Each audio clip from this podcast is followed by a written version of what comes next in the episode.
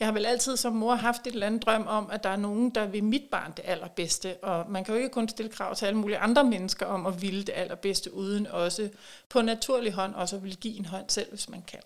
Og det tror jeg er sådan en del af mit DNA, at, at øh, der skal være plads til alle. Og jeg tænker især alle de her børn og unge, som vi to er optaget af, de skal møde et samfund, hvor der er mulighed for, at kasserne ikke er firkantet. Men at kasserne med den lovgivning, vi nu engang er hængt op på, alligevel også bliver formet efter, hvad det enkelte menneske har brug for, ikke noget, nogen har siddet og besluttet sig for. Du lytter til Autisme med Hjertet. En podcast om autisme set inde og udefra. Din vært er Stine. Stine står bag familierådgivning med hjertet. Hun er mor til en dreng med autisme, uddannet pædagog samt familierådgiver.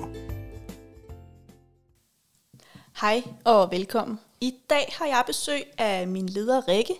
Vi skal tale om, hvordan en arbejdsplads kan være med til at hjælpe mennesker med særlige udfordringer eller behov til et godt arbejdsliv, og dermed også et godt liv. Og vi skal ikke kun tale om autisme i dag, men mere omkring, hvordan når et menneske har særlige behov af en eller anden art, og hvordan man kan være med til at give dem en chance på arbejdsmarkedet. Og så skal vi høre om, hvad der sker, når en arbejdsplads formår at lave en ramme, som alle medarbejdere kan være i. Også selvom man måske har nogle udfordringer i forhold til at gå på arbejde. Jeg har valgt at tage det her emne op, da de fleste forældre, jeg møder på et eller andet tidspunkt, ikke kan lade være med at tænke, hvordan skal det gå mit barn eller mit unge menneske? Hvordan skal mit barn kunne passe et job? Øh, og jeg har valgt at invitere en leder med, som forhåbentlig kan være med til at inspirere andre arbejdspladser til at tage godt imod mennesker, som på et eller andet tidspunkt, som har nogle særlige behov og brug for en ekstra hånd i ryggen. Jeg har som sagt besøg af Rikke. Hun er min leder, og vi har arbejdet sammen siden 2017, så vidt jeg kan huske øh, hvor jeg som ressourcepædagog og familievejleder i dagtilbud har arbejdet med familierne, men også været med til, at de her mennesker, vi gennem tiden har haft i praktik øh, og lignende, og har hjulpet dem godt i vej. Så i dag vil jeg, øh, eller i dag vil særlig Rikke dele, hvad der skal til for at imødekomme mennesker med særlige behov på en arbejdsplads, øh, set ud fra et lederperspektiv, og vi vil også tale om en helt særlig solskinshistorie, som vi har sammen, hvor at det, øh, det arbejde, der er blevet gjort, virkelig er lykkedes. For hvis man som arbejdsplads formår at tilgodese den enkeltes behov, så kan vi komme rigtig langt. Men lad os komme i gang. Velkommen til, Rikke. Tak skal du have, Stine. Jeg har glædet mig til at have dig med i dag. Vi har jo talt om den her øh, optagelse længe, længe, og nu sker det. Det er rigtigt, og øh, ja, jeg er nok lige så spændt, som du er. Jeg har aldrig lavet en podcast før, så øh, ja, jeg er spændt ja, vi og klar. Dejligt. Vi springer ud i det. Mm-hmm. Vil du sige et par ord om dig selv, Rikke? Hvem er du? Jamen, øh, jeg er professionel, jeg er jo leder i en daginstitution. Jeg er klyngeleder, det vil sige, jeg er leder af flere institutioner, øh, og har været i pædagogfaget i 26 år efterhånden, og leder de sidste 17 som som udgangspunkt har været i Højtostrup Kommune. som mor, som jeg også er til øh, to skønne unger på 22 og 25, der er den yngste øh, handicappet, som jo så også gør, at jeg nok også har et særligt hjerte, der banker for børn og unge, der på en eller anden måde har brug for en ekstra hånd i ryggen. Øh, ja, det tænker jeg er mig. Ja, hmm. for det er jo nemlig et af de første øh, undersøgende spørgsmål, jeg har med. Hvad er baggrunden for, at du har valgt at invitere eller sige ja tak til at få unge mennesker i praktik? Jamen jeg tror faktisk, da du spurgte mig om det, der har jeg jo gået og grublet lidt. Ja, hvad var det egentlig lige? Fordi det var mange år siden.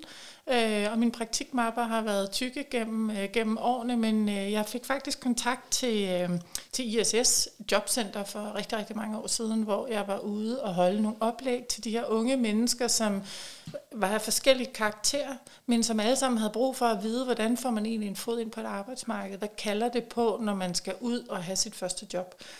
Og jeg ved simpelthen lære de her mennesker kende. Øh, de, de to jobkonsulenter, så får man jo et særligt bånd til, hvad er det, hvem er jeg som menneske, og hvad er det, jeg øh, drives af.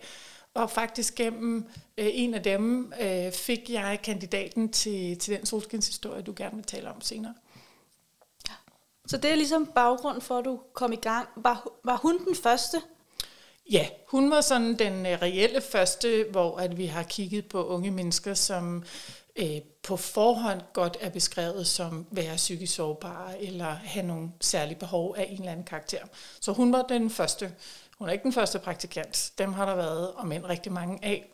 Egentlig fordi jeg nok altid har haft en tro på, at alle mennesker skal have en chance i livet. Og det er også borgere, som på en eller anden måde har brug for at komme ud og finde ud af, hvad der er godt for dem. Øhm, så det, dem har der været rigtig, rigtig mange af. Så det jeg hører er, at din drivkraft for at sige ja tak til det her, det bygger måske særligt på, at du selv har din datter. Øh, ja, jeg tror i hvert fald, det bygger... noget med til det. Ja, jeg tror i hvert fald, det bygger på det med, at jeg jo også render rundt og har gjort det. Hun er 22 i dag, og er godt i, på vej på den anden side af sin uddannelse, og alt det, der har været omkring hende, men, men jeg har vel altid som mor haft et eller andet drøm om, at der er nogen, der vil mit barn det allerbedste, og man kan jo ikke kun stille krav til alle mulige andre mennesker om at ville det allerbedste, uden også på naturlig hånd også at ville give en hånd selv, hvis man kan. Og det tror jeg er sådan en del af mit DNA, at, at øh, der skal være plads til alle, og vi må sno os for at få det til at lykkes. Ja, og det virker meget genkendeligt. Altså, nu har vi jo også arbejdet sammen i mange år efterhånden, men, men det er jo også det,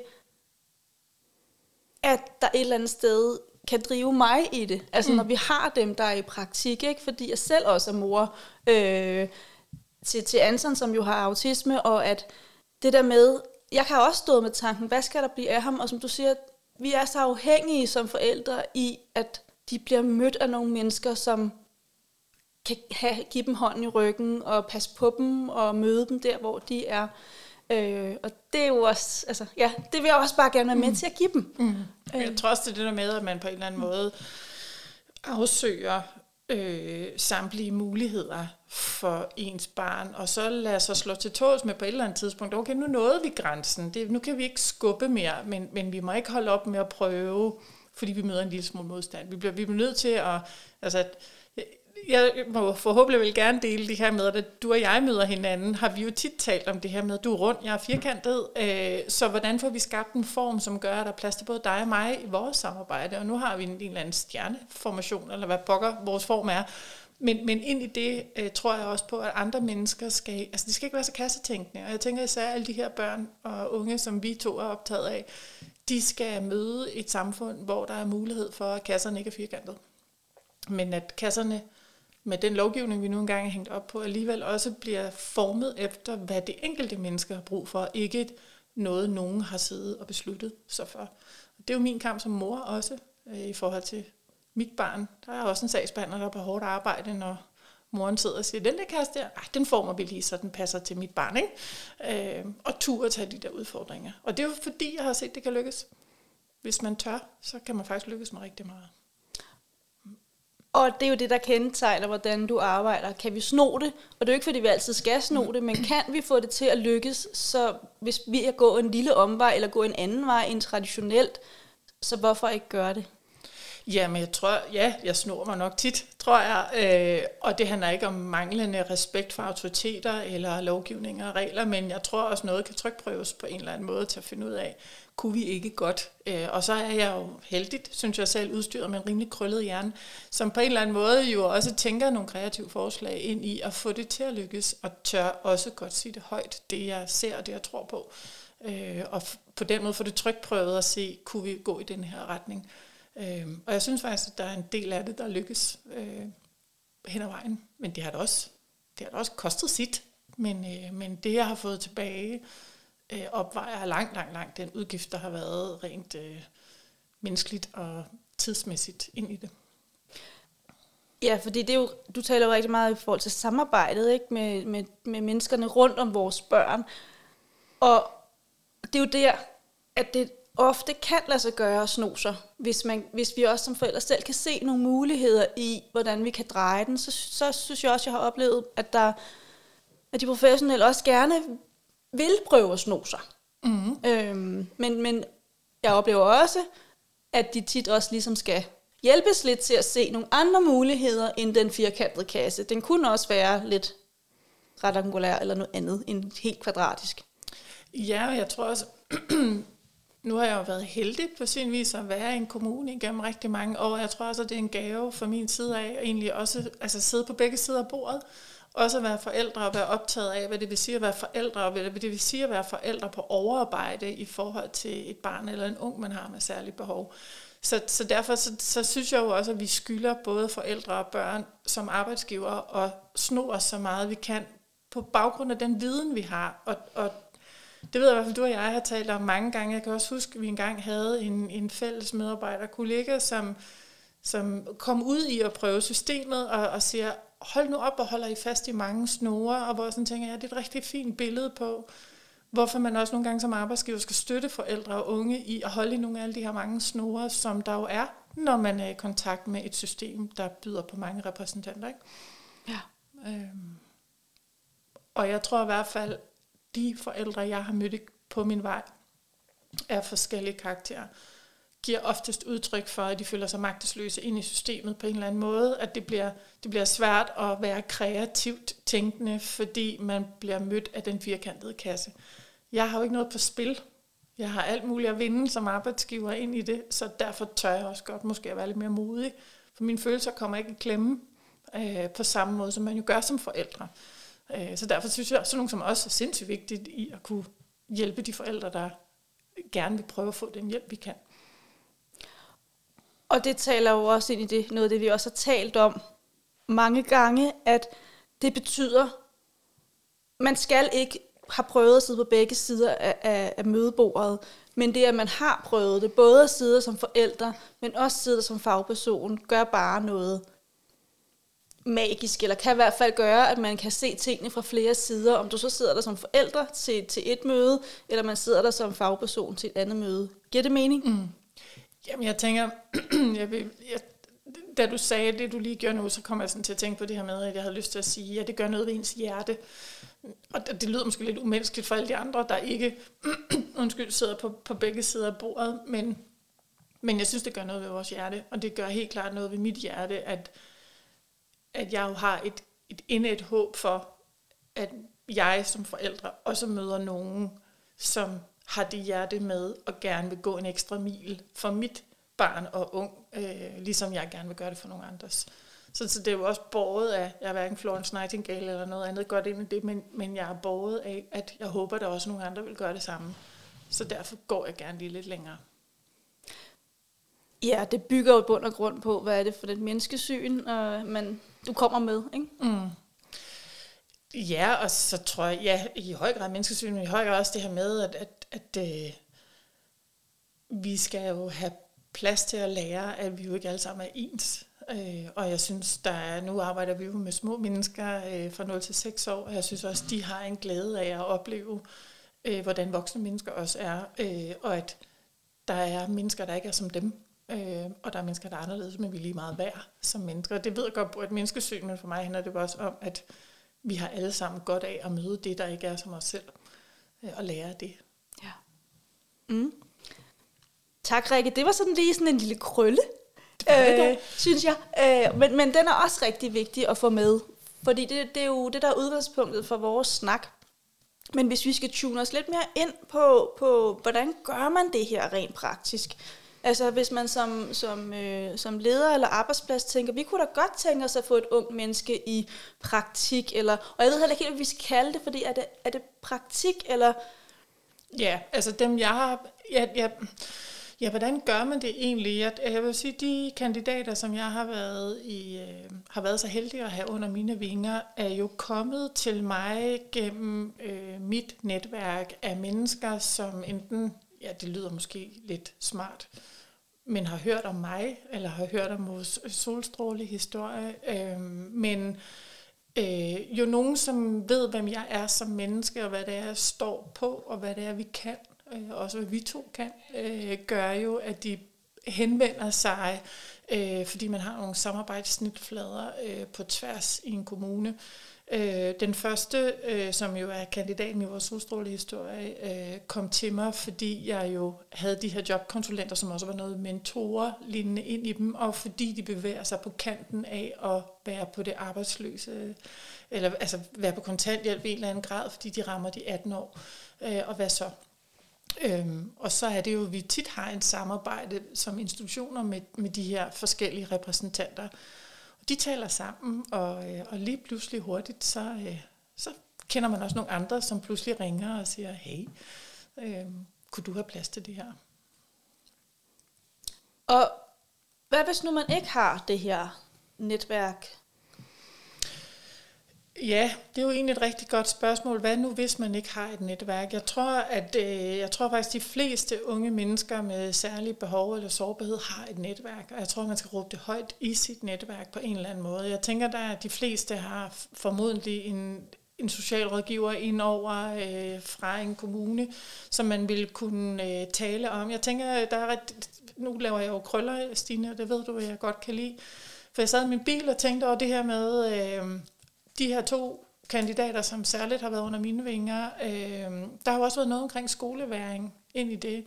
Og så hører man jo lige nu også, at de taler rigtig meget om de her fordele med at være ude på tre dage i skole og to dage ude på, på en arbejdsplads. Og jeg tænker, at hvis man ikke har et netværk, men man står med nogle udfordringer, så kan man i hvert fald nok også tale med sin skole eller sin socialrådgiver om, at vi står her med et ung menneske, som måske gerne vil ud i en praktik og prøve at skubbe til praktikmulighederne lidt ind i det, for der står ikke mange åbne arbejdspladser, som, som gerne vil det, tænker jeg kunne være en vej. Hvis man er ved at være 18 år, så, øh, står man jo på grænsen til et arbejdsmarked, hvis man ikke har valgt sig en uddannelse.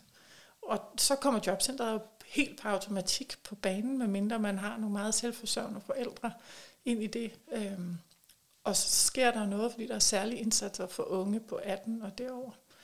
Så det er jo, det er jo nogle veje ind. Øh, og så vil jeg jo som menneske og leder altid sige, hvis man står med et ung menneske, som virkelig godt kunne tænke sig at prøve hele det her dagtilbudsverden af, eller med hos autolakeren, eller gardneren, eller hvad det nu kan være, så det allervigtigste, man kan gøre, det er bare gå ned og spørge. Øhm, du spurgte mig om en ting, øh, inden jeg kom. Hva, hvad, hvor, hvor skal man stå hen som forældre i det her? Og lige der kunne man måske godt lave en, øh, en uformel henvendelse på det hint, man har i sin mave som forældre om, og det kunne være en god idé at, at gøre noget andet, end at blive ved med at gå i skole eller sidde derhjemme på værelset. Øh, så kan man jo altid gå ned og snakke og sige, hm, hvad tænker I om det her?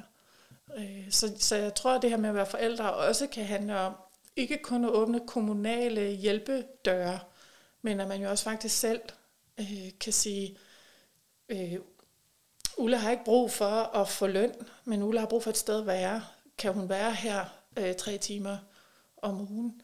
Øh, fordi det vil gøre noget godt for hende socialt, og så vil hun komme ud af værelset, eller gøre et eller andet. Og det tror jeg, der nok vil være nogen, der vil sige ja til. Og nogen vil måske også sådan tænke, uh, hvad kalder det på for mig? Men jeg tror, de fleste af os vinder på det. Ja. Og, og hvad med, hvad kan man gøre som som arbejdsgiver, som leder, hvis, hvis man tænker, det vil jeg egentlig gerne. Øhm, altså jeg vil gerne have, have et, et ung menneske i praktik, men jeg har ikke øh, øh hvad hedder det, øh, netværk til nogle jobkonsulenter, eller hvad, hvad, hvad gør man så, hvis man tænker, det, det tror jeg faktisk godt, jeg vil prøve af. Altså hvis man nu arbejder i Hørsholm Kommune, så kan man jo skrive til mig. Øh, det vil jo være en start. Men derudover så er der jo jobcenter alle vegne, så længe det varer. Men, men der er jo jobcenter, som gør, at der er nogle, øh, børne, altså nogle unge konsulenter, som, øh, som står med de unge mennesker, som skal ud. Og man, man skal jo ikke stå og vente på, at der er nogen, der henvender sig. Man kan jo også selv sige, åh, oh, jeg har hørt den her podcast, det lyder enormt spændende, det kunne jeg virkelig godt tænke mig at være et sted, hvor nogen kunne komme ud og, og, og lære noget ind i det. Øh, kender du så nogen? Øh, jeg har arbejdet også sammen med styrket familiebehandling, som, som jo også ved, at vi kan noget, og øh, det er jo også der, hvor at, øh, man lærer nogen at kende. Så, så jeg tænker, hvis man sidder som leder i en hvilken som helst kommune, så kan man jo henvende sig til det netværk, man ved, der er i kommunen. Øh, og på den måde sige, hmm, er det, hvem, hvem arbejder med de unge i den her kommune? Øh, måske kender man en skoleleder, måske øh, Kender man lederen af ungdomsskolen? Eller, altså, så på den måde kan man komme ind. Ja, ja og jeg tænker også, hvis, hvis som, som, som virksomhedsleder, altså en privat virksomhed, kan jo også ringe til, til, til jobcentret, eller ringe til, til ungdomsskolen, mm. eller til FGU'en, eller STU'en, der er jo mange forkortelser, mm. men og så ringe og sige, hey, hvis I har et ung menneske, som har lyst til at komme i praktik hos os i vores ingeniørvirksomhed, eller mm. hvad det nu er. Ja, jeg tænker, altså, jeg tror, alle kommuner er jo organiseret på forskellige vis, men jeg tænker sagtens, at man kan som både privat virksomhed og noget kan, kan kontakte unge guides og hvem der ellers er, og, og stille sig til rådighed ind i det. Og det kan godt være, at man ikke får en ung i første hug, men det at gøre sig opmærksom på, at man eksisterer. Øhm, mit hjerte går jo også på at hjælpe der, hvor man kan, og derfor er jeg øh, mentor for to mentees i, øh, i 10. klasse. Øh, det gør jo også, at øh, der er nogen, der ved, okay, det så det hun kan, øh, så lærer man jo nogle andre mennesker at kende, som, som sjovt nok husker ens navn, lige så vel som man selv går og husker på navnet. Og, og sådan får man spundet sit netværk. Ja. Mm. Men hvordan ser det ud i forhold til det at være arbejdsgiver for et ung menneske, som kommer og siger, jeg vil gerne i praktik, og det siger du, det er fint. Er der noget, man skal være sådan særlig opmærksom på, eller mm, hvad gør du? Ja, man skal altid være super, super opmærksom på, at man skal ud i en, hvad skal man kalde det, jeg ved faktisk ikke, hvad det rigtige ord er, men, men ud i sådan en bevildet praktik. Forstået på den måde, der er nogen, der skal sende ind i praktikken. Og det er fordi, der er nogle forsikringsmæssige forhold, der skal være dækket, øh, når man er ude i tilfælde af, at man glider, fordi gulvet er vådt og slår sit haleben voldsomt eller et eller andet. Øh, så det her med, at man er forsikringsdækket, mens man er på arbejde i sin praktikperiode. Og det er jo der, hvor at det kan være svært sådan at, at bare komme ind for gaden og få et praktikforløb, øh, fordi der er noget sikkerhed i forhold til praktikken. Selv de helt unge 8. klasses elever, som kommer ud i en skolepraktik, har papirer med sig, så de er forsikret i tilfælde af, at der sker dem noget. Øhm, jeg kender ikke juristeriet i forhold til, hvis, hvis man ikke kommer ud via øh, en øh, virksomhedskonsulent eller en skole eller et eller andet i den øh, stil, men, men så tænker jeg i hvert fald, at man, man skal have et særligt øje for forsikringsdækninger i tilfælde af, at man kommer til skade. Ja. Og kan der være, kan der være problemer i, eller udfordringer i at få et, et, et ung menneske i praktik? Det er jo definitionen af udfordringer og, og problemer. Øhm, ja, man kan jo godt stå for at øh, blive nødt til at ringe øh, klokken 8 om morgenen og sige, du skal se at komme op nu, du skulle have været her for en halv time siden. Øh, man kan godt risikere, at, at der er noget arbejde ind i det, fordi de unge mennesker kommer jo med meget forskellige forudsætninger for, hvad de kan.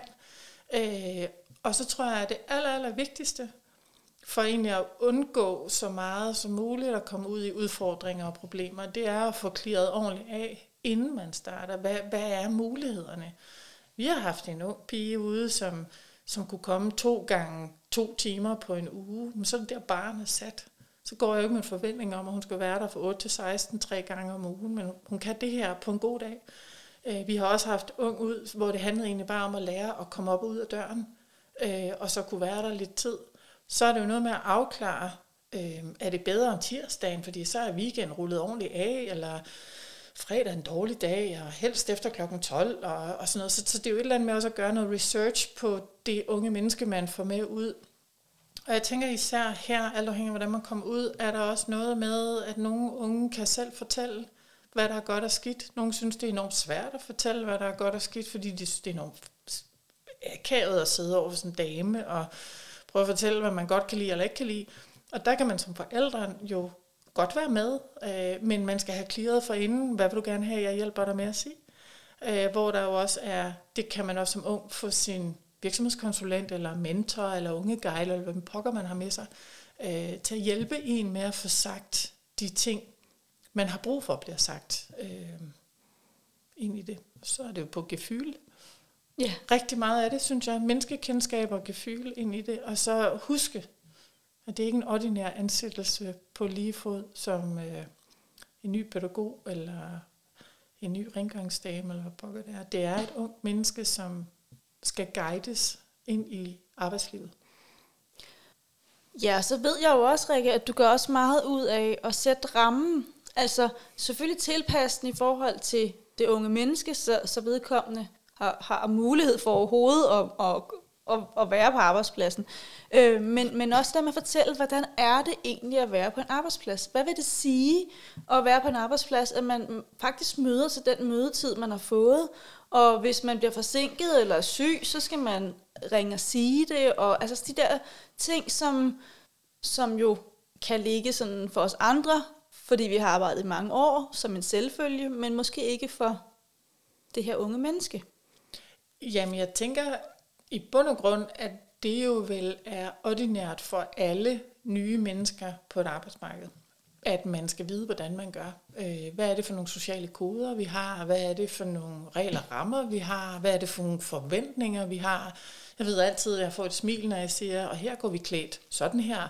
Øh, ingen bare maver, eller hvad det nu kan være, nedringet bluser eller noget. Altså, der, der kan jo være mange ting i det, og jeg tror, at vi er jo et fag med rigtig meget tavs viden, når vi arbejder ind på dag, fordi vi gør bare det, vi sådan, det, det er jo det, det, vi gør, uden at vi får snakket om det.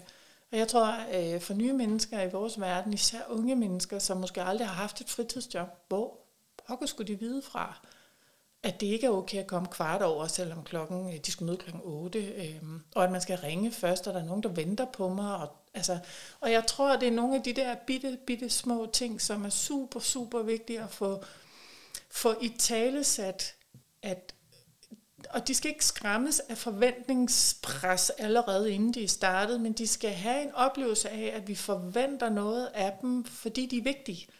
Fordi vi synes, de er vigtige, fordi vi virkelig, virkelig gerne vil have, at de lykkes. Ja, fordi de har jo en betydning, ja. når de er hos os. Ja. Altså, så nej, vi, ikke, vi, vi bliver faktisk bekymrede, hvis ikke du kommer mm. klokken 8, når du skulle møde klokken 8. Så ringer vi til dig og siger, hey, Ja. Hvor er du henne? Øhm, og det er jo lige så meget en bekymring i forhold til, at der skete noget på vejen, eller har du en dårlig dag i dag, eller hvad er det, der gør, at, at du ikke er mødt? Ja, så tror jeg, at det der med egentlig også er en forventning om, og det lærte jeg faktisk for rigtig mange år siden i min første år som leder. Jeg husker faktisk, at jeg havde en ud i virksomhedspraktik, som der at jeg skal på, på samtale på kommunen, øh, og det skal jeg kl. 10. Øh, og så ses vi bare i morgen, ikke? Og bare sådan, men, men du, har, du har fri klokken tre, altså øh, det skal vi ikke blive enige om, at det er måske en times tid, du er der, og så kommer du tilbage, og hvor det her øh, menneske kiggede på mig og sagde, det er du den første, der beder mig om at gøre. De andre har jo været ligeglade med, om jeg kom tilbage. Så jeg er da ikke ligeglad med, om du kommer tilbage. Du, vi har jo en aftale. Og jeg tror, det der med at have en aftale om, hvad er det, vi forventer hinanden, og at vi overholder aftaler. Og det gælder jo ikke kun det unge menneske, eller øh, hvem det kan være. Det gælder jo også mig. Jeg skal jo også overholde mine aftaler. Altså, hvis jeg indgår en aftale med et ung menneske om, at vi skal have en snak, så kan jeg jo ikke bare sådan tænke, det er jeg ligeglad med. Det, det skal vi jo gøre. Men det handler jo også om, igen, om at føle, altså, at man er værdifuld, mm. og en del af, af alle andre på arbejdspladsen. Altså, fordi det, sådan er det at være der. Altså, så, så gør man de ting, ikke? Så er du ikke særlig, fordi at du så kun er på arbejde fem timer om ugen, Nej, jeg tror, altså, jeg tror faktisk, at apropos det der med at være særlig, jeg tror altså, det er vigtigt, at hvis man vælger at hive et ung menneske ind under sine vinger, og, øh, og, og, og give dem et indsigt i, i det her nye arbejdsliv, så skal man være særlig i form af, at man, man løfter en særlig opgave. Og det kan jo være mange ting. For nogle er det øh, helt særligt at få lov at folde hagesmækker. Der er der måske nogen, der når der lytter til det her, tænker, ah, come on, øh, hvor særligt kan det være, det er betydningsfuldt for nogen. Øh, for nogle andre kan det være at, øh, at spise frokost med børnene og, og hjælpe dem med at lykkes med det. Det er min særlige opgave. Altså, så, så det er også det her med, at man kan ikke tage et ung menneske i praktik uden at have et særligt formål med, hvor er der lige en særlig opgave, som det her menneske vil kunne lykkes med. Og ja, vi er jo meget forskellige. Jeg vil ikke kunne drives af at skulle folde hasmækker på min arbejdsplads ene og alene, men, men det er der nogle mennesker, som, er, som synes, det er det mest magiske sted at starte. Og jeg tror det der med, hvis man tager en ung i praktik, så skal man tage en ung ind, fordi man har noget særligt, de kan udføre. Og ikke fordi, så kan de bare være der. Der er ikke noget mere kedeligt end bare at være der. Hvem er man noget for, hvis man bare skal være der for nogen?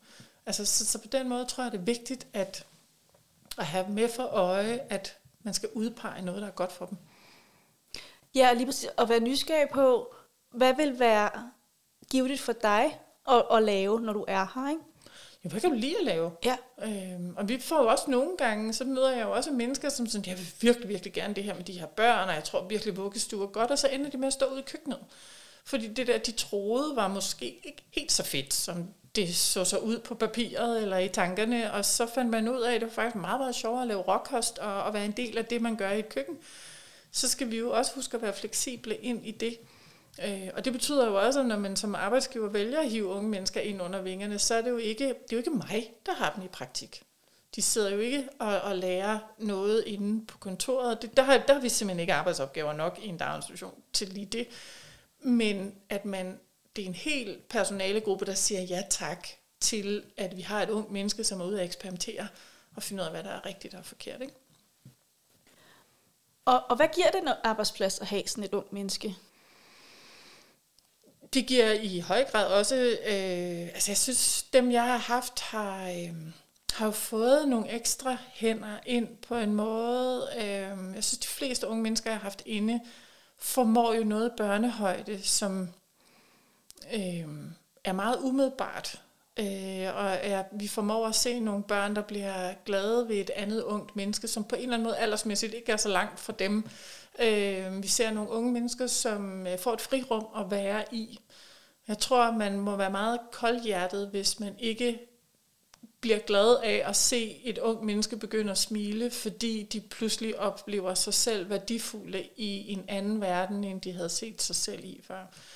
Øhm, Solstrålehistorien er jo, jo helt særlig. Øh, vi har jo også en anden historie, hvor vi har en ung pige, som, som har brug for at komme ud hjemmefra, og øh, har brug for at have noget at stå op til. Skolen er for, for svær at være i, og øh, hvor vi jo i, i samarbejde med nogle forskellige instanser får et ung menneske til at, at, at, at komme hos os, noget der ligner en 15-20 timer om ugen, øh, og hjælper min skoleplacering øh, eller en uddannelsesplacering ind i det. Og jeg tror, at det der ved at se, at øh, vi møder et, øh, et ungt menneske, som har slået sig på livet, og som pludselig smiler og, og bliver glad for, at, at det er betydningsfuldt for dem, at, at vi tager imod dem hver dag, øh, til at de faktisk kommer for hjælp for os. Fordi lige der, der er jeg jo hudløs ærlig. Jeg tør godt at sige, nej, du skal aldrig arbejde med børn. Øh, er langt bedre for dig, eller en særligt tilrettelagt ungdomsuddannelse vil være den helt rigtige vej, eller øhm, det, jeg, jeg, jeg tror, jeg, jeg, har ikke lavet en særlig måling på, hvad, hvad personaler synes, de har fået ud af det sådan generelt set. Men jeg tror generelt en oplevelse af at se et menneske vokse, og øhm, ret blikket opad og kigge ud, øh, kan noget. Mm. Og så er der vel altid også en snært af det her med, at det er det er en hjælpende hånd. Øh, nogle trives jo rigtig fint med, kan du ikke lige hente øh, flere tallerkener ud i køkkenet, eller sådan noget. Det, det, det er jo også en gevinst, selv de små ting. Ja, og så, så, så nu kender jeg dig rigtig godt, og det, det, når det er sagt, at det også er en hjælpende hånd, så tænker jeg ikke, det er det, der, der trækker læsset. Øhm, altså det er ikke det, der er mest motiverende for at have unge mennesker i praktik. Øhm, det, det, det kan også noget, men, men vi ved aldrig, når man får et ung menneske i praktik, hvor det bærer hen, som du også siger. Mm. Måske ender vedkommende lige pludselig i børnehaven, havde troet, skulle arbejde i vuggestue, eller i køkkenet, eller med at vaske legetøj af i coronatiden, eller mm. et eller andet, ikke? hvor man tænker, det var, det var ikke det, vi havde tænkt, du skulle, eller det var ikke det, du havde lyst til, da du trådte ind ad døren, men det var det, du synes, det var det fedeste, når du var her, ikke? fordi mm. så var der ro omkring dig, og du kunne være inde og lave det her øh, stykke arbejde. Så at, at det ikke, selvfølgelig er det også en, en hjælpende hånd, men det er ikke det, der er det bærende for at have en i praktik. Nej, jeg tror, altså, holdt op imod, hvilken indsats man i øvrigt også laver, ja, det er det, så, jeg mener. så er der jo, det er jo ikke alene mit hjerte, der skal synes, det her er sjovt. Øh, fordi det er, jo ikke, det er jo ikke kun mig. Altså jeg har det, det overordnede ansvar, og jeg har øh, de fleste samtaler med, med det menneske, vi har ude, den unge. Øh, men der skal jo også være nogle, øh, nogle medarbejdere omkring mig, som deler samme øh, livssyn og menneskesyn ind i, at der skal være plads til at give unge mennesker et, øh, et step på vejen der tror jeg jo måske, at vi jo i høj grad også i den pædagogiske verden øh, til dels er flasket op med det livssyn. Øh, altså det er en meget, meget svær verden at arbejde i, tænker jeg, men det livssyn vil jeg i hvert fald, og menneskesyn vil jeg ønske, om var andre arbejdspladser, der godt ville turde tale højt om, fordi det er det også båret af. Altså det er i høj grad båret af, at man gerne vil give folk en chance i livet, og, øhm, og ikke kan måle det på resultater eller overskud eller ekstra hænder, men at man måles af glæden ved at se et ung menneske rejse blikket og kigge lige ud i verden, end at gå og kigge ned i jorden. Ja, for det er jo ikke bare at sige velkommen til, Ulla. Øh, du skal være inde på gul stue. Det, så skal Ulla jo lære at være derinde. Altså, ja. og, og hun skal jo sættes i gang med meningsfulde opgaver, som meningsfulde for hende, og vejen til at finde de meningsfulde opgaver for hende, er jo ikke altid bare snor lige, så der, ligger, der ligger jo også et, et stort arbejde i at have en egentlig praktik, altså både for dig, men, men også inden for stuen af, altså de pædagoger på stuen. Men som du siger, det giver bare så meget igen. Øh, ikke kun af hænder, altså og, og hjælp på stuen, men, men generelt at se det der menneske, som kommer glad ind ad døren fra har gået med, med bøjet nakke og tænkt, mm. åh, nu skal jeg ind igen, og mm. træder sig selv over fødderne, og så kommer ind og siger godmorgen, og bare går i gang, ikke? Jo, så tror jeg da, at det der med, at man, mm.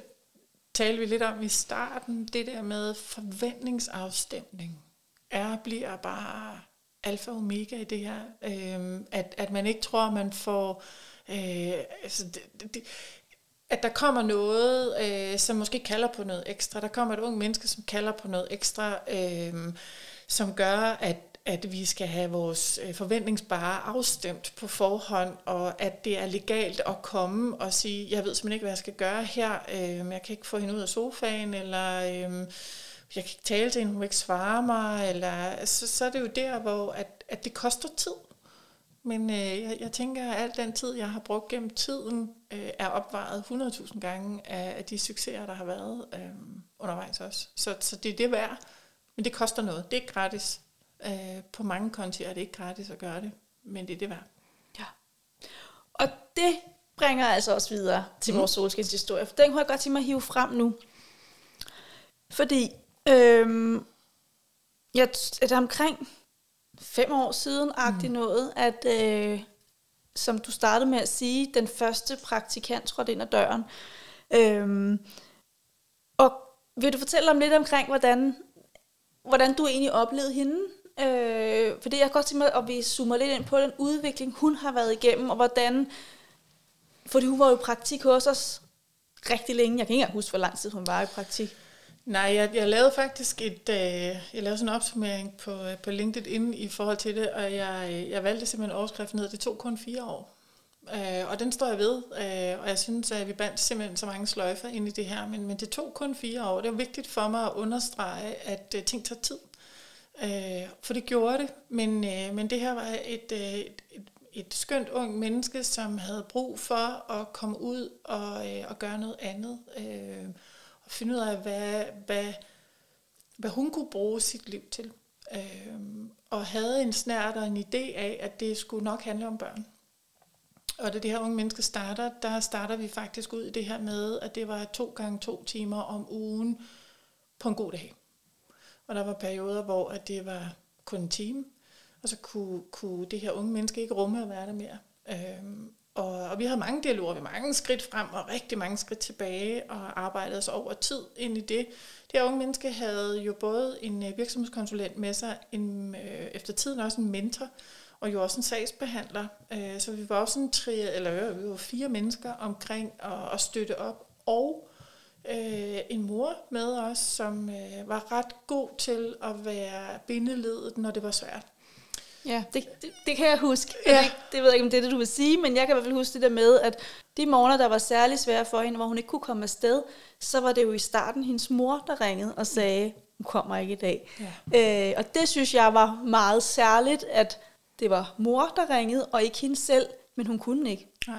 Og, og, og det, det synes jeg også var særligt. Jeg kan også huske starten, hun er jo voksen hun var jo 18, come on, altså, det, det, det, hvor svært kan det være? Øhm, og der fik jeg jo også en øjenåbner af, at, at, at apropos det der, du sådan spørger med, hvor står vi egentlig henne som forældre ind i det?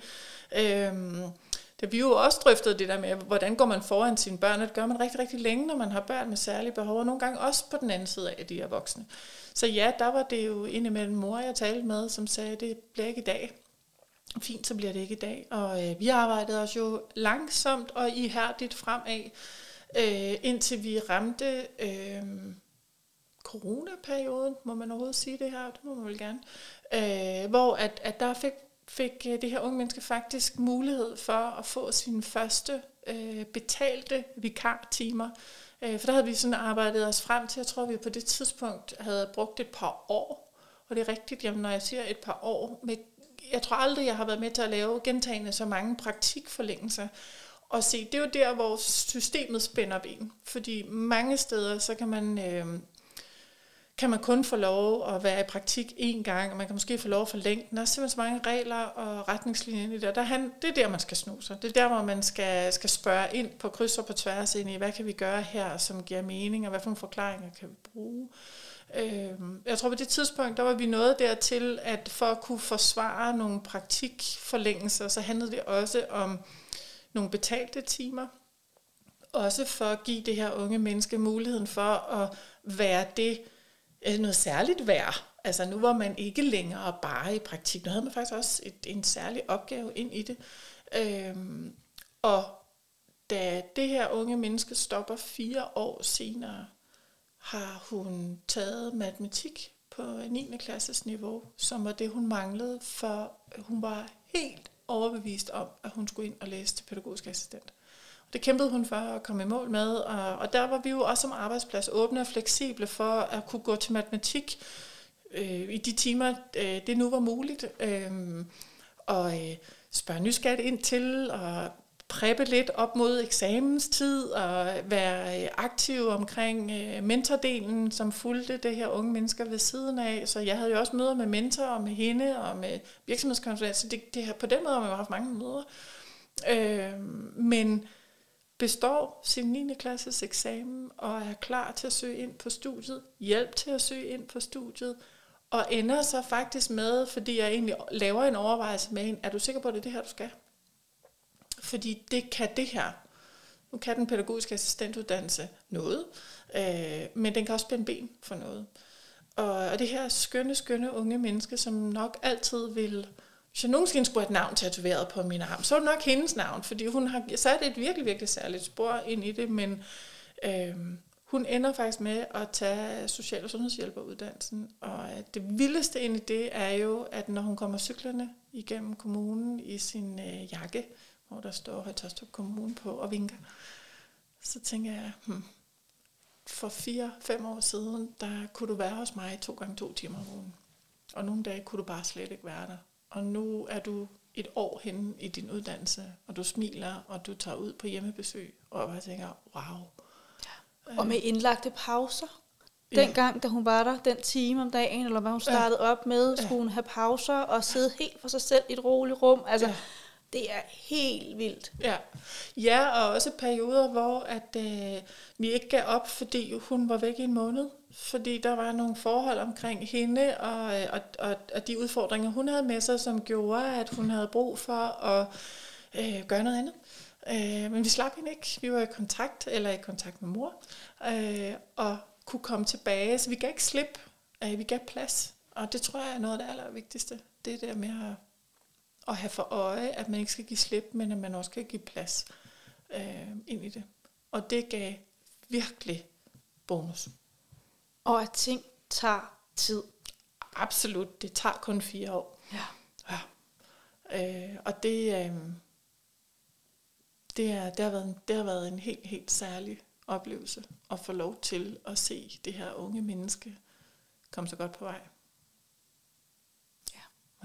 Ja, men det er, ja, det er, det er virkelig en solskinshistorie, og mm. det, det, er der, det er jo det der, det er jo der, hvor ja, det, det bare giver det hele. Eller sådan, altså, så kan det godt være, at der har været mange omveje, der har været mange møder, og mange, okay, det er heller ikke i dag, du kommer, fordi det er ikke dagen i dag.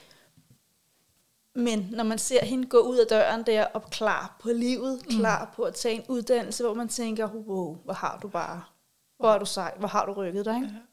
Ja, jeg ved faktisk, øh, du spørger det der med, hvad er det personalet får ud af det.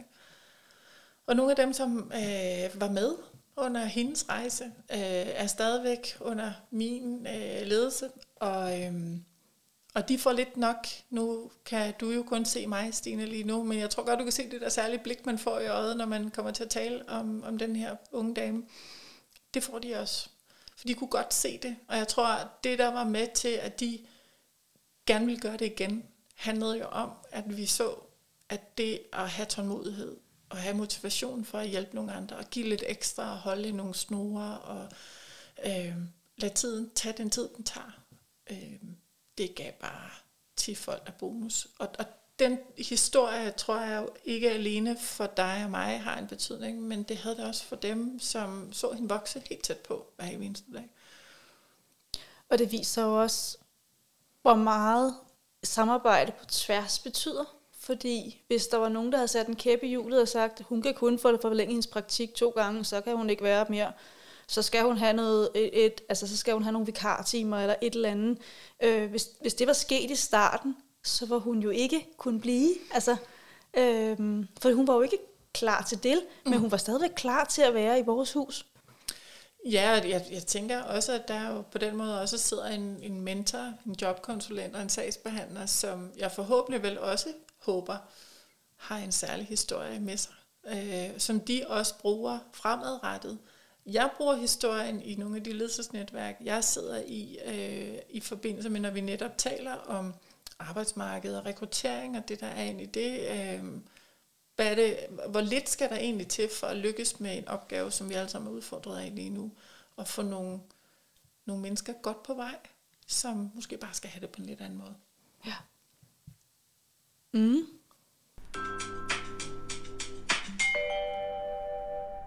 Inden vi sådan øh, slutter helt, så øh, har jeg spurgt nogle af mine følgere, eller alle mine følgere inde på Instagram i forhold til, øhm, hvordan man, om de havde nogle bud på, hvordan man som arbejdsplads øh, eller som forældre kunne, kunne øh, være med til at, at skabe øh, det her samarbejde eller nogle gode vilkår for, at et ung menneske kan komme ud i praktik. Og det vil jeg gerne lige dele. Der var nemlig en, der havde nogle gode øh, råd med på en eller noget, der i hvert fald gav genklang hos hende, og det var, at det med at tale åbent om sårbarheden og hvilke behov det unge menneske har, og det med at være, have fokus på at tilrettelægge tid og opgaver ud fra behov og hvad vedkommende kan. Og du nikker, Rikke. Mm. Jamen det gør jeg jo ud fra, at jeg synes, vi har talt om lidt af det. Forventningsafstemningen. Hvad er det, øhm, hvad er det, man tænker, at det her unge menneske øh, har brug for og kan? Jeg tror, øh, de fleste samtaler, jeg har haft, både når det er i talesat, at man er sårbar, eller ikke er i talesat, så har jeg jo været i gamet i så mange år, som man lærer mennesker at kende. Og som du ved, så er jeg jo øh, forholdsvis direkte ind i det, jeg ser. Og, øh, og spørger faktisk tit og ofte øh, den unge, er der et særligt sted, du har brug for en hånd i ryggen? Ind i det her? Er der noget særligt, jeg skal være opmærksom på? Er der noget særligt, jeg skal vide for, at det her lykkes for dig? Øhm, og det kan nogle gange være super, super svært at, at indrømme, fordi det jo også handler om, at man skal fortælle om noget, der er svært, eller fortælle om noget, man synes er pinligt, eller øh, noget, man måske ikke helt selv har lokaliseret endnu. Ikke? Øhm, og derfor så tror jeg, at man som forældre hvis man selv er med, det, hele det her med at forberede sig på, hvad, hvad vil sådan en, øh, hvad sådan en dame kunne spørge om, øh, der kan være noget ind i det. Jeg tænker også, der kan være noget ind i det som forældre, at øh, selvfølgelig med, med, hvad hedder sådan noget, øh, med tilsavn for sit unge menneske, kunne det ikke være en god idé, at jeg lige ringer ned til Rikke og hører, hvad, hvad handler sådan en samtale om? Hvad, hvad, hvad, hvad tror du, hun vil spørge om? Eller altså for alt i verden er der jo aldrig nogen dumme spørgsmål, men man kan virkelig komme på glat is, hvis man sidder som en ung menneske og bare synes, at det er toppinligt. Eller det allersværeste, man nogensinde skal svare på, og så sidder der sådan en fremmed dame, man aldrig har set i et sted, man aldrig har været. og, og der tror jeg, at man som forældre kender sine børn aller, allerbedst. Så der er deres vinger jo rigtig vigtige, uden at det bliver en dialog mellem øh, forældre og mig, men at man får trianguleret den her samtale, så jeg kan høre, at din mor fortæller sådan og sådan, kan du selv sige lidt mere om det? Øhm, men at vi ikke skal gå på opdagelse i noget, som gør, at praktikken bliver super, super svær.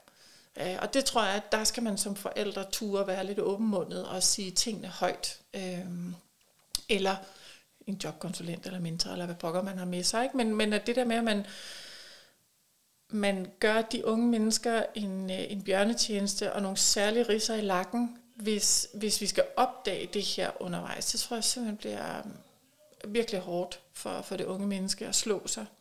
Øh, så for mig handler samtalen jo egentlig også om at, jeg plejer at sige, at vi skal være et match. Og, og nogle gange kan jeg jo godt sidde med et ung menneske, også uden særlige behov, og sådan tænke, det er simpelthen ikke her, du skal være. Øh, fordi det, det, det, du og jeg, vi, vi taler da virkelig forbi hinanden, eller øh, der kan være noget der. Så der skal man også være ærlig. Man skal også være ærlig og sige, jeg tror ikke, det er her, du skal være. Du skal da være i en SFO-pokker, eller over hos gardneren, eller hvordan det kan være. Ikke? Ja, så i høj grad, det der med ærlighed er faktisk rigtig vigtigt, og en høj grad af, af, af altså, man, kan virkelig, man kan virkelig bane vejen ved at være ærlig, fordi mm. man kan komme meget bedre fra start, hvis, hvis man som ung tør at være ærlig, og det kan jo, som du siger, det kan jo være så svært, hvis man ikke er så langt i processen endnu, og finde ud af, hvad har jeg egentlig brug for, det ved jeg da ikke. Mm. For jeg har aldrig været på en arbejdsplads, så jeg ved jo ikke helt, om hvad det egentlig er. Jeg skal ind til nogle børn, det glæder jeg mig til. Men mere ved man måske ikke. Man kan måske huske, at man selv gik i børnehave eller et eller andet.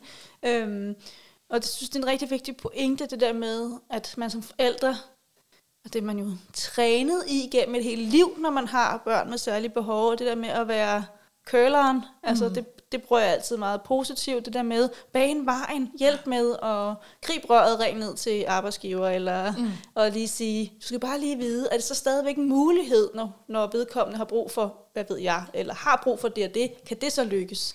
I stedet for at gå put med det, for finder man ud af, at det, det kan ikke lade sig gøre, at vedkommende skal sove til middag hver dag, eller nu siger jeg bare mm. et eller andet, ikke? Altså, det, det kan vi så ikke helt tilbyde. Øh, det havde været bare rart at, at vide fra starten af, fordi så, så skulle vi ikke starte praktikken her, så skulle vi finde et andet sted. Jamen, jeg tror også, at det her med, og øhm, jeg ved i hvert fald, det vores, øh, et element i vores øh, solstrålehistorie handlede jo også om, at møder skulle øh, holdes gående. Altså udendørs i en walk and talk. Øh, hvis vi gjorde det, så, øh, så var det meget mere meningsfuldt for det unge menneske. Øh, det var væsentligt lettere at sige noget, det var væsentligt lettere at, øh, at have en mening. Øh, det tog mig da lidt på gange, og så tænkte jeg, hvor da søren så stille hun er. Øh, indtil jeg sådan fandt ud af, at det her rum, det var bare ikke super, super fedt at være i. Men så prøvede vi at gøre det på en anden måde. Pludselig så mødte jeg jo et ungt menneske, og sådan tænkte, hold, hold da op. Der var det, nej, hvor dejligt, hvor er det skønt at høre alle de her meninger, du har om, om det, du gerne vil. Så det handler jo noget om at hvis man ikke selv kan give udtryk for formen, så skal man i hvert fald nogen, der skal hjælpe en med at, at, at bane vejen og, og feje foran en, uden at det skal opfattes negativt. Øh, det er jo en hånd i ryggen mm. med fejekusten foran. det skabte lige et billede ja, hos mig. Ja, det er jo det. Ja. Ja. Øhm. Så det med at ture og, og som forældre igen, igen, igen og bane vejen og sige, hvad har mit barn egentlig brug for, for at det kan lykkes. I høj grad. Og jeg tænker også, altså alle mennesker er jo forskellige ind i det, og, og nogle unge mennesker har overhovedet ikke brug for, at man har kontakt med forældrene. Der har det langt bedre med, hvad det nu kan være, unge guider, mentorer og familiebehandlere, hvad vi ellers har stødt på og samarbejdet med. Øhm, og andre er, er, er mor eller far det bedste bud, fordi det er enormt trygt. Så det er jo også om at, sådan, at, at som arbejdsgiver ture og tune sig ind på, hvor er der en tryghed, som gør, at vi kan bedre være i dialog om det, der handler om. Og så tror jeg, at vi altid har, og det er jo fuldstændig ligegyldigt, om man er et barn med eller uden særlige behov. Vi har jo også en forpligtelse på at lære de her unge mennesker at begå sig på arbejdsmarkedet. Det gør de jo også på kvickly. Øhm, eller hvor pokker de nede i bageren eller frisøren, eller hvor pokker man er henne, så, så skal man jo lære det. Det skal vi lige huske. Ja. De skal lære det, og det er vi forpligtet på at lære. For lige at runde af her til sidst, Rikke, så øh, vil du anbefale andre arbejdspladser øh, at, at, at tage de her unge mennesker ind? Var det noget, altså jeg tænkte, det giver nok det sig selv, det her svar, men Ja, og hvad skal der til? Altså hvorfor vil du gerne anbefale det? jeg tror, at øhm, vi har... Ja, hvor skal man starte hen? Hvorfor vil man gerne anbefale det? Jeg, jeg tror sådan generelt set, så taler vi jo rigtig meget om, at der kommer flere og flere børn og unge voksne med, med særlige behov, som har brug for, at nogle mennesker møder dem på en anden måde, end de her meget stationære kasser, som vi har talt om tidligere. Øhm, jeg er enormt beundret af klapjobs og, øh, og IKEA og hvem der ellers øh, tager imod nogen, som har brug for en særlig hånd i ryggen. Jeg tænker også, at der er andre brancher, som godt kan åbne op for det og, og gøre det. Og, og, øh, og jeg synes sådan, altså, der er ikke nogen af os, der nogensinde ikke lærer noget af det. Og jeg tror, det her med at, øh, at åbne blikket lidt op og hjertet og armene, og, øh, giver os noget alle sammen, og giver i høj grad plads til folk, der også har brug for plads. Vi, vi er jo særligt alle sammen på vores behov, ikke? Øhm, og nogen skal bare have det på en lidt anden måde, og Øh, jeg tror, der bliver lidt mere plads til os alle sammen, hvis vi tør. Ja. Mm. Så jo, gør det endelig. Gør det endelig. Mm. Og nu talte vi lidt om det lige før i forhold til forældrene, hvad, hvad kunne de være opmærksomme på, men har du et eller flere gode råd til, hvad kan man som forældre øh, gøre, hvis man lige nu står med et ung menneske, som gerne vil en eller anden form for praktik.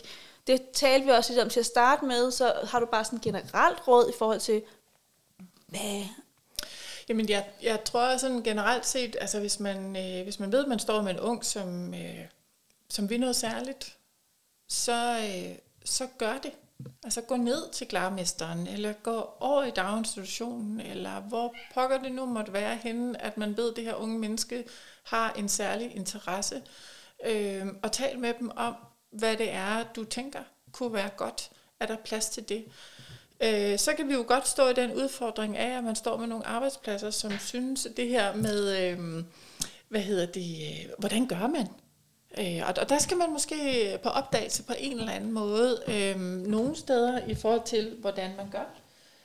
Øh, kom man til mig, så ville jeg jo godt vide, hvor jeg skulle henvende mig henne, men jeg tror, at øh, hvis man kommer ind et sted, hvor at, øh, man ikke har prøvet det før, så have det her med som forældre, hvor man sådan kunne sige, kunne, kunne vi sammen hjælpe ad med at finde ud af, hvordan det kunne lykkes. Øhm, og, og, og så gå på opdagelse i det, og ikke være bange for at ringe til nogen. Altså, og, og, kommunen, eller øh, øh, jamen, få spurgt ind. Jeg ja, HR eller et eller andet, hvis det... Altså der sådan- borgerrådgiver, der, der ja, der findes er jo alle mulige Ja. mennesker, og jeg tror, at det Mm. aller, aller vigtigste som forældre er jo, at man, man, man vil møde en lukket dør. Fordi man vil jo møde andre mennesker, som aldrig har prøvet det før, og som ikke på nogen måde sådan lige øh, griber ud af lommen og siger, jeg ved det, altså, du har sagt mange gange til mig, så spørger du om et eller andet, jamen du skal bare ringe til. Øh, det gør man jo, fordi man har været et sted meget længe. Øhm, og så man vil jo møde nogle mennesker, der siger, det ved jeg da absolut ikke noget om. Men giv ikke op. Prøv at blive ved. Øhm, og ring op og sige, jeg har brug for hjælp til nogen, der kan finde en, der kan svare på det her. Øhm, og jeg tænker, at jobcentret i ens kommune, øh, at finde en jobkonsulent, som har med unge mennesker at gøre. Og hvis man er under 18 år, så er der jo øh, børn- og unge guides, øh, skoler, men øh, de fleste, som ikke har afsluttet folkeskolen, er jo også tilknyttet en skole. De har også mulighed for at hjælpe med noget, ikke? Har du et, et sidste råd omkring til, til ledere eller arbejdspladser til at have et ung menneske øh, i praktik? Altså, hvad er, det, hvad, er det, hvad er det vigtigste at være opmærksom på? Det måske er du flere vigtighedspunkter. Jeg tror lige, da du sagde det, så kender du det, man kan komme til at og, og gerne vil svare, inden du er talt færdig. Mm. For jeg tror egentlig, jeg bare har lyst til at sige, gør det. Øhm, og så afstemning, klarhed, ærlighed og forsikring. Mm. Tror Tak. Jeg, ja. velkommen. Tak, Rikke. Tak fordi du kom. Tak fordi jeg måtte.